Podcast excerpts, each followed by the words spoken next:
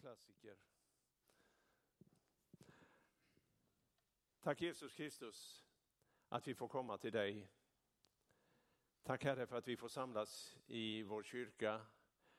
Tack att vi får fira gudstjänst. Tack att vi på olika sätt får vara med och bidra till ditt verk. Vi ber för de gåvor som har samlats in och de som samlas in och där vi också nu under sommaren får tänka på vår församling. Tack Herre för att du välsignar varje givare. Och så ber vi om stillhet inför ditt ord. Herre, talar du till oss vad du har för syfte med den här gudstjänsten och den här predikan. Vi överlämnar allt till dina händer. I Jesu namn. Amen. Ja, som, som Sofia har sagt så Eh, är ju den här helgen är ju lite speciell för det är egentligen två olika teman. Igår var det midsommardagen och det handlade om skapelsen och det handlar om allt det vackra vi ser i naturen. Och den här dagen är det då Johannes döparens dag. Och eh, när jag började förbereda mig så tänkte jag att ja, men det är självklart att jag ska tala om Johannes döparen eftersom det är dagens tema. Men eh, efter några dagar så kom jag fram till, nej, det kanske jag inte ska. Eh, därför att midsommardagen kommer ju ofta i kläm. Det är inte så ofta, vi, eh, eh, det är inte alltid vi går på gudstjänst på midsommardagen, men söndagen är mera än, än på det sättet. Så därför blir det istället så att eh, eh det blir en slags kombination av eh, de här två temana. Eh, med framförallt fokus på det här med skapelsen midsommardagens tema. Och det som är predikotexten egentligen, eller det som var predikotexten då för igår, midsommardagen, det är hämtat ifrån Matteusevangeliets sjätte kapitel. Och eh, eh jag läser då ifrån eh, Matteus 6, eh, 25. Får vi se om den texten kommer upp. Därför säger jag er, bekymra er inte för mat och dryck att leva av eller för kläder att sätta på kroppen. Är inte livet mer än födan och kroppen mer än kläderna? Se på himlens fåglar, de sår inte, skördar inte och samlar inte i lador. Men er himmelske fader föder dem. Är inte ni värda mycket mer än det? Vem av er kan med sina bekymmer lägga en enda aln till sin livslängd. Och varför bekymrar ni er för kläder? Se på ängens liljor hur de växer. De arbetar inte och spinner inte. Men jag säger er, inte ens Salomo i all sin prakt var klädd som en av dem. Om nu Gud ger sådana kläder åt gräset på ängen som idag finns till och imorgon stoppas i ugnen, skall han då inte ha kläder åt er, ni trosvaga? Gör er därför inga bekymmer. Fråga inte vad ska vi äta, vad ska vi dricka, vad ska vi ta på oss? Allt sådant jagar hedningarna efter. Men er himmelske fader vet vad ni behöver, att ni behöver allt detta. Sök först Guds rike och hans rättfärdighet så ska ni få allt det andra också. Gör er därför inga bekymmer för morgondagen. Den får själv bära sina bekymmer. Var dag har nog av sin egen plåga. Det här är välkända bibelord som handlar om att ha Gud till sin far. Eh, att vi får lämna alla onödiga bekymmer åt honom. Gör er inga bekymmer, eh, säger, sägs det här. Alltså vi kan göra oss bekymmer, sånt, sånt som egentligen inte är bekymmer. Eh, men ändå ska vi naturligtvis ha omtanke och känna ansvar för det som vi ska ta ansvar för.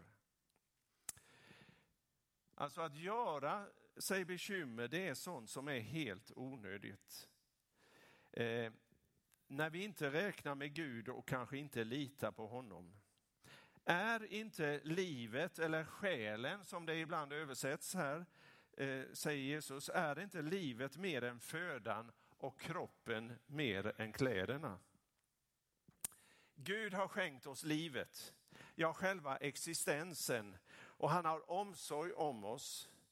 Eh, och det är så stort att vi inte behöver faktiskt göra oss bekymmer för mat och kläder och annat vi tror att vi behöver. Gud kommer att sörja för sina barn.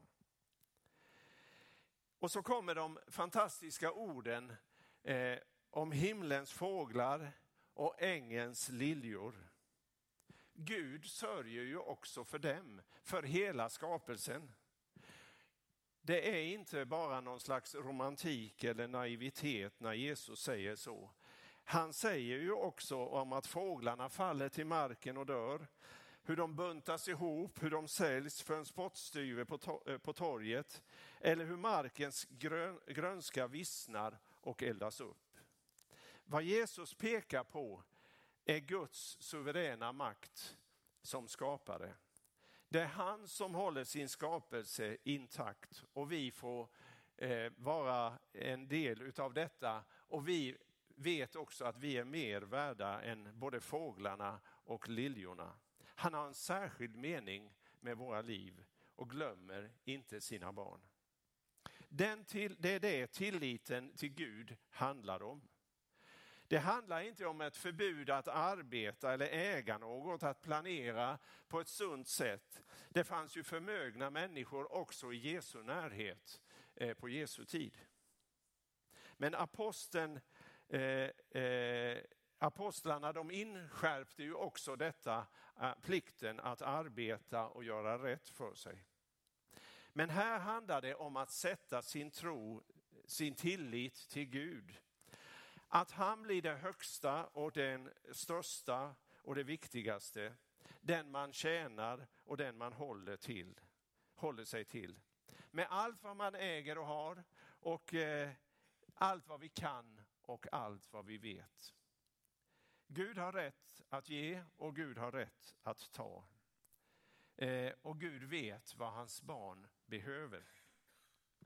Det är en förmån, en glädje, eh, en, en, en eh, lycka att slippa tänka på det materiella och bygga sin framtid på den. Visst kan det finnas legitima bekymmer. Var dag har nog av sin egen plåga, säger ju Jesus. Men vi slipper ta ut den plågan i förväg och samla den på hög under oroliga dagar och sömnlösa nätter. Vi får ta varje dag ur Guds hand. För egen del så har just eh, ett av de här bibelorden eh, som jag har läst ifrån Matteus evangeliets sjätte kapitel. För, för mig har ett av de bibelorden på ett särskilt sätt eh, stuckit fram. Och det är att när jag och min hustru för 48 år sedan gifte oss, då gav vi varandra en ring i den står datumet. I den står namnet på den älskade. Men det står också ett bibelord. Och det bibelordet är Matteus 6 och 33. Sök först Guds rike och hans rättfärdighet så ska ni få allt det andra också. Trots allt som har hänt i våra liv, många glädjeämnen, fantastiska stunder, men också olyckor, svårigheter av olika slag, sjukdom och allt för tidig död, så har vi ändå fått se Guds godhet i detta. Guds nåd igenom allt. Bibelordet i ringarna och bonaden som vi fick när vi gifte oss, som är samma bibelord, som finns där hemma, den har hjälpt oss till de rätta prioriteringarna i livet. Det är i Gud vi lever, rör oss och är till, läste Sofia ifrån Apostlagärningarnas 17 kapitel. Vilken fantastisk verklighet. Det är i samspelet mellan sol, luft och vatten som allt grönt skapas. Det ger näring och syresätter allt vi behöver. Det är detta vi alla lever av. Paulus såg detta klart när han talade inför filosoferna i Aten för 2000 år sedan. Men eh, i vår tid så är det många människor som tvivlar på det. Trots att vetenskapen ändå bekräftar det Paulus säger. Det finns en skapare bakom allt. Äras den som äras bör. Och vi får frimodigt eh, stå upp och tala om Guds storhet i skapelsen som pågår. Vi lever i skapelsen, i Guds skapelse i varje sekund. Och det märker vi inte minst under midsommartiden när växtligheten eh, exploderar. När det som till synes var dött ändå har fått nytt liv. Vi klär oss i blomsterkransar och dansar kring midsommarstången och majstången, eller majstången som det heter på andra håll. Oavsett vad vi tänker eh, så är det i Gud som vi lever och är till. Pröva det och säg det till dig själv. Det är i Gud jag lever, rör mig och är till. Häromdagen var jag ute på en resa och eh, en dag skulle jag och en god vän gå en vandringsled. Vi visste att vi förmodligen inte skulle träffa så många människor den dagen, utan mest gå för oss själva.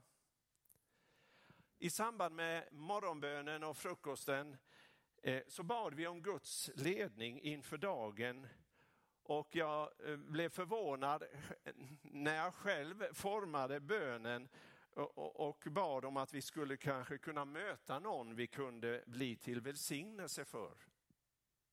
Sen tänkte vi inte mer på det. Mot slutet av dagen stannade vi till eh, vid en plantskola och köpte några blommor. Då, helt oväntat, så berättade trädgårdsmästaren att hans älskade hustru nyligen hade dött och att han nu skötte blomsterhandeln på egen hand.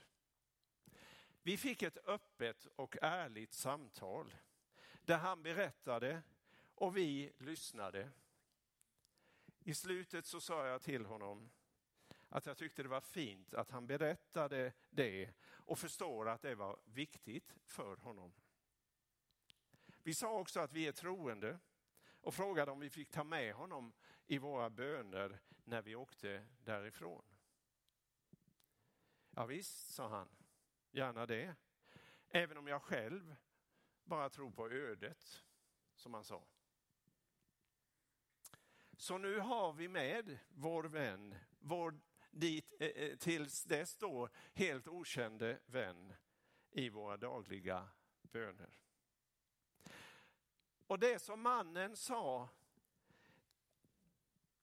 att han mer tror på ödet, det är ju precis det som hände i Aten när Paulus gick omkring och såg alla gudabilderna. Människor tror på ödet eller någon slags diffus andlighet. Och ändå finns Gud där mitt ibland oss. Och särskilt nu när sommaren står i sin fulla prakt. Det är i honom vi lever, eh, rör oss och är till. Tänk vilken underbar nåd det innebär för oss alla eh, människor att det finns en Gud som bryr sig. Inte något opersonligt öde eller någon diffus andlighet. Han är nära oss. Han finns här i lokalen, men han finns också där, där du finns, hemma eller var du finns om du följer gudstjänsten på webben. Och så var det då det här med Johannes döparen. Hur kommer han nu in i bilden eh, i dagens predikan? Förra eh, helgen, Eh, så, eh, förra söndagen så var temat eh, vårt dop utifrån det faktum att Johannes döpte Jesus. Och bibeltexterna då handlade också om hur Gud gick före Israels folk i öknen via en molnpelare om dagen och en eldpelare om natten. Vår uppgift är också, liksom Johannes döparens, att bereda vägen för människor att få möta Gud. Det var något särskilt med Johannes, det märktes redan när han föddes. Han var inte frälsaren, men han fick bereda vägen för frälsaren Jesus. Johannes döpte i vatten, men han talade tydligt om att han som kom efter honom, Jesus, han döper i helig ande. Och det är vad vi alla behöver. Ett nyfödelsens bad, inte bara i vatten utan i ande. Vi behöver möta Jesus och våra liv, få, få våra liv förvandlade utav honom. Och Bibeln är tydlig med att den heliga ande ges som en gåva vid dopet. Den första pingstdagen så nämns om detta, eh, att vi ska få den helige ande som gåva. Här finns anknytningen mellan midsommardagens text och texten om Johannes döparen också. Sök först Guds rike och hans rättfärdighet så ska ni få allt det andra också. I måndags var jag med på ett möte med några i kyrkan om situationen i Ryssland och Ukraina. Särskilt utifrån den ryska evangeliska kyrkan. Vi fick lyssna till en av de 750 000 ryssar som flytt landet därför att de demonstrerat eller att de inte kan hålla tyst om det som sker och därför löper stor risk att arresteras och fängslas. Kvinnan som berättade, hon berättade om situationen, den svåra situationen. Och när vi hade lyssnat till henne, då fick vi via länk eh, lyssna till en av de pastorer i Ryssland vi sedan många år har nära samarbete med. Han säger rent ut, och då befinner han sig fortfarande i Ryssland, han säger rent ut via länk, jag stöder inte kriget. Detta krig är demoniskt. Det är en katastrof. Det värsta som kunde hända. Här krigar broder mot broder. Ukraina har sänt många missionärer till Ryssland. Själv kom denne pastor för 30 år sedan till tro via en missionär ifrån Ukraina. Det är inte konstigt att han lider med det som nu sker. Han har Gud att tacka för ukrainarnas missionsarbete i Ryssland. Och kriget skadar även Ryssland eh, och gör någonting med folksjälen. Och även kyrkliga ledare är under inflytande från den ryska propagandan. Även folk i hans egen församling. Den här pastorn, och jag vill inte nämna hans namn av säkerhetsskäl, eh, han berättar att kyrkan inte kan påverka de, de ryska politikernas beslut, men han ville ändå göra någonting för Ukraina. Och så plötsligt så öppnades det en möjlighet för honom när Mariupol föll i ryska händer. Mariupol tror jag många av oss känner igen, där det varit fruktansvärda eh, bombningar och eh, en enorm förstörelse. Eh, till slut så fick man kapitulera och idag är Mariupol en del av det område som Ryssland har ockuperat i Ukraina. Det finns inga möjligheter att komma in med hjälpsändningar till Mariupol Eh, från västvärlden. Men den ryska kyrkan, eftersom det nu är en del av det ryska territoriet, så kan, så kan man åka till Mariupol. Och det gjorde vår vän, eh, den gode pastorn och ledaren i Ryssland. Han berättade att när han kom dit med sitt team, det här är helvetet på jorden, säger han. En totalförstörd stad där det bodde en halv miljon människor, men 300 000 har flytt eller många av dem har dödats. Eh, men det finns ändå människor kvar och det finns församlingar kvar och det finns människor som han har samverkat med. Och så fick de på olika sätt hjälpa sina bröder och systrar i Mariupol.